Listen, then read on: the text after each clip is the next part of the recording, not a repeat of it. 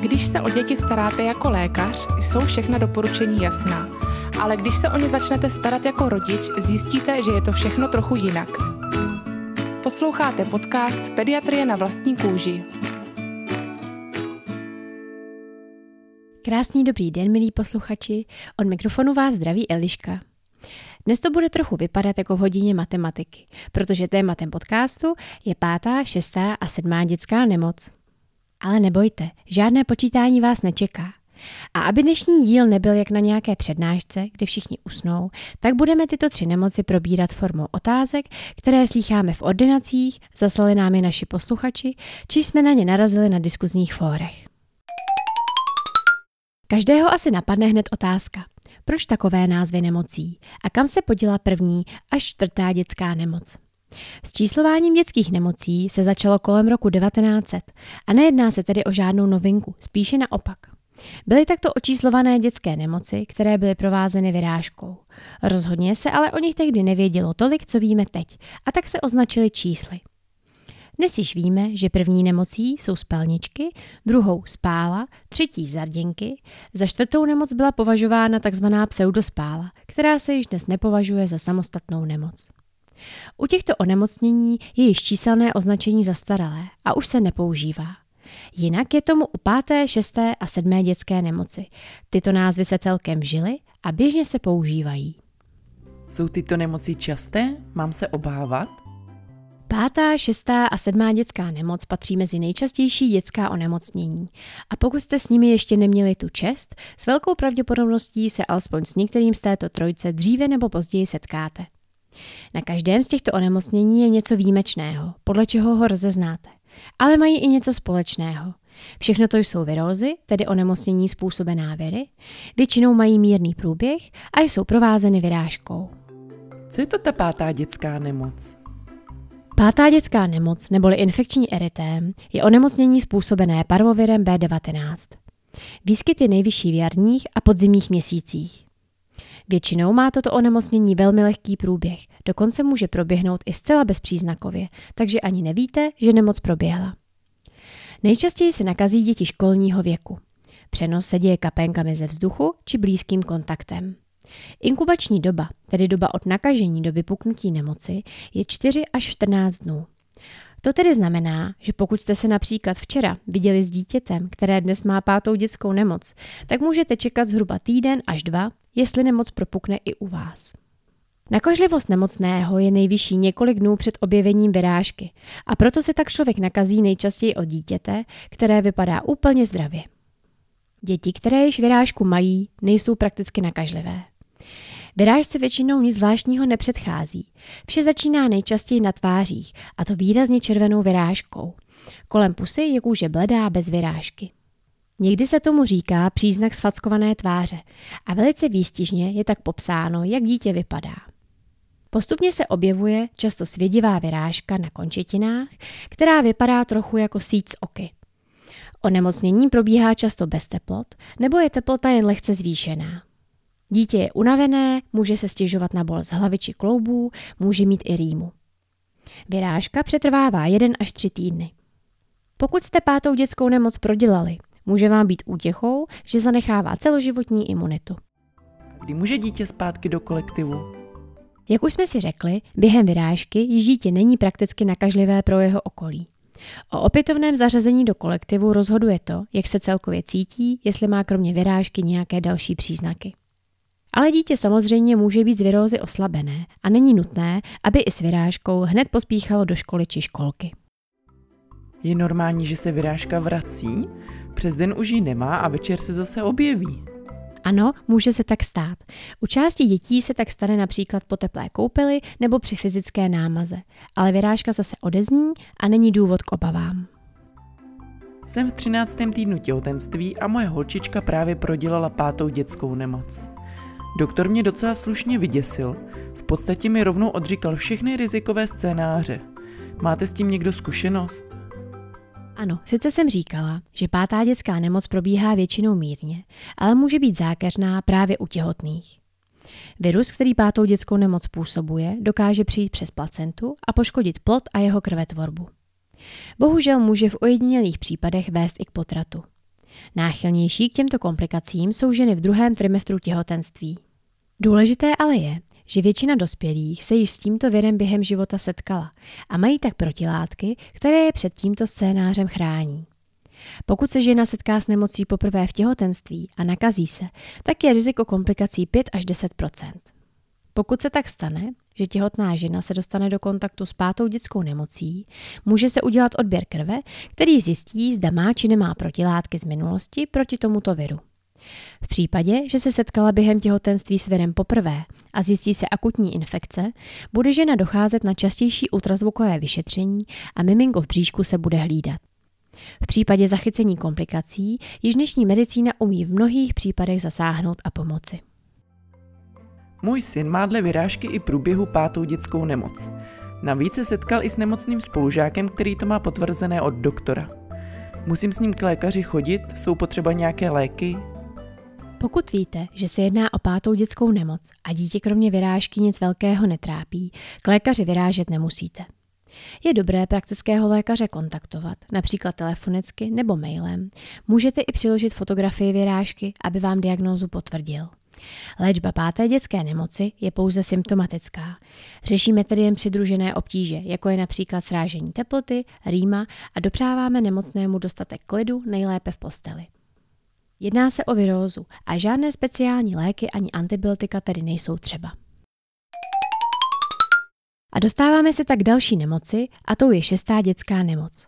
Někdy také nazývána třídenní horečka. Toto onemocnění typicky postihuje děti mezi šestým měsícem věku a druhým rokem a je to úplně nejčastější vyrážkové onemocnění v prvním roce života. Například Alžběty Karel prodělal nemoc přesně v roce a u Nicole si to prodělali v deseti měsících. Šestá dětská nemoc je způsobena lidským herpes virem 6 a 7. Inkubační doba je 5 až 15 dní, tedy velmi podobná páté dětské nemoci. Toto onemocnění má velmi typický průběh, který je i předmětem častých diskuzí na e-miminu. Paní Michelle píše. Ahoj holky, chtěla jsem se zeptat. Dnes jsme byli u doktorky a říkala, že má malá šestou dětskou nemoc. Sice měla zvýšenou pár dní teplotu okolo 38 stupňů a pak se osypala, ale mě zaráží, že všude se píše, že děti mají horečky až ke 40 stupňům. Odpovídá Lucka. U každého dítka jinak. Malej měl 39, tři dny. Čtvrtý den jsem šla k doktorce, že asi šestá dětská a od polku už byl osypaný. Lindule píše. U nás byly standardně 38,5 až 39 a pak jako když utne a přišla vyrážka. A Jitka? Naše malá měla šestou nemoc před týdnem. Měla tři dny horečky, večer až k té 40. Buď ráda, že se neřešila vysoké teploty. Tak tady slyšíte zcela typické příklady průběhu šesté dětské nemoci. Dítě má tři dny horečku, která pak zmizí a objeví se vyrážka. Horečka samozřejmě může někdy trvat i více dní. Na hodnotě teploty nezáleží, ale většinou je opravdu vysoká. Typické také je, že dítě během horečky žádné jiné obtíže nemá, což samozřejmě řadu rodičů vyděsí. Při poklesu teploty, nejčastěji čtvrtý den, dojde k výsevu vyrážky, hlavně na šíji a trupu. Obličej je na rozdíl od páté dětské nemoci většinou vynechán. Vyrážka je červená, flíčkatá a často prchavá. Jak se šestá dětská nemoc léčí? Léčba je stejně jako u páté dětské nemoci pouze symptomatická a zde hlavně srážíme teplotu. Vzhledem k tomu, že u šesté dětské nemoci jsou horečky často vysoké a u 8% dětí se dokonce vyskytnou i febrilní křeče, doporučujeme horečku opravdu včas srážet léky nebo eventuálně kombinovat zábaly a ochlazování vodou, jak jsme si popsali v 37. díle věnovaném horečce a jejímu srážení.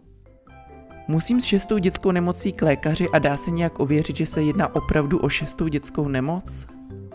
Teoreticky s šestou dětskou nemocí nemusíte chodit k lékaři, ale prakticky to znamená, že máte doma malé dítě, které má tři dny vysoké teploty a nevíte, co mu je. Takže většina rodičů k pediatrovi vyrazí a je to naprosto v pořádku. Lékař si dítě vyšetří, pravděpodobně udělá CRP z prstu či vyšetří moč, aby vyloučil infekci močových cest. V případě šesté dětské nemoci bude hodnota CRP nízká a bude tedy značit virózu. Pokud vás zajímá něco víc o CRP a jak při horečce postupovat, můžete si poslechnout náš 39. díl věnovaný horečkám a jejím příčinám. Diagnoza šesté dětské nemoci je založena na již zmíněném typickém průběhu. Lze sice udělat vyšetření protilátek a ověření z krve, ale toto vyšetření se příliš neprovádí. Jednak nechceme děti zbytečně trápit dalšími odběry a jednak výsledek není okamžitě a nic nemění na léčbě ani na dalším postupu. Jak dlouho je dítě infekční, kdy může do kolektivu? Dítě je nakažlivé pro okolí ještě před začátkem příznaků, ale na rozdíl od páté dětské nemoci nakažlivost pomine až po zmizení vyrážky. Zde tedy musíme vyčkat, až dítěti vyrážka zcela zmizí, než ho znovu pošleme do školy či školky. A nyní se dostáváme k poslednímu onemocnění z naší trojce a tím je sedmá dětská nemoc, neboli nemoc ruka, noha, ústa. Toto onemocnění se vyskytuje většinou v letních měsících a způsobují ho viry zvané enteroviry. Nakažlivost tohoto onemocnění je vysoká, takže pokud se objevilo ve školce, tak máte docela slušnou šanci, že si ho dítě přinese domů. Onemocnění se přenáší jednak kapenkami vzduchem, tak infikovanými předměty a blízkým kontaktem. Inkubační doba je do týdne. Onemocnění začíná zvýšenou teplotou a bolestí v krku. Postupně vznikají v puse puchýřky až afty. Často jsou afty na jazyku, patře i dásní. Někdy jsou puchýřky i kolem pusy. Postupně je najdete i na dlaních a chodidlech, ale někdy se objeví i na hřbetu ruky, nohy i na prstech. Puchýřky se také mohou šířit na končetiny či oblast genitálu. A nyní už je vám jistě jasné, proč této nemoci říkáme nemoc ruka, noha, ústa. Puchýřky na rukou i nohou a afty v ústech. Můžu toto onemocnění jako dospělá také chytnout? Jedná se o typicky dětské onemocnění, ale může ho dostat i dospělý člověk. O tom jsem se na vlastní kůži bohužel přesvědčila. Na jedné z mých prvních služeb jsem chytla tuto nemoc od jednoho malého pacienta, kterého jsem na pohotovosti ošetřovala. A měla jsem nakonec ještě horší projevy než on. No mohu říct, že to opravdu nebyl příjemný zážitek. O to víc jsem pak soucítila s dalšími malými pacienty, které jsem následně v ordinaci i na pohotovosti potkala ještě mnohokrát. První velice nepříjemná věc jsou zmíněné afty dutině ústní, které opravdu velmi bolí.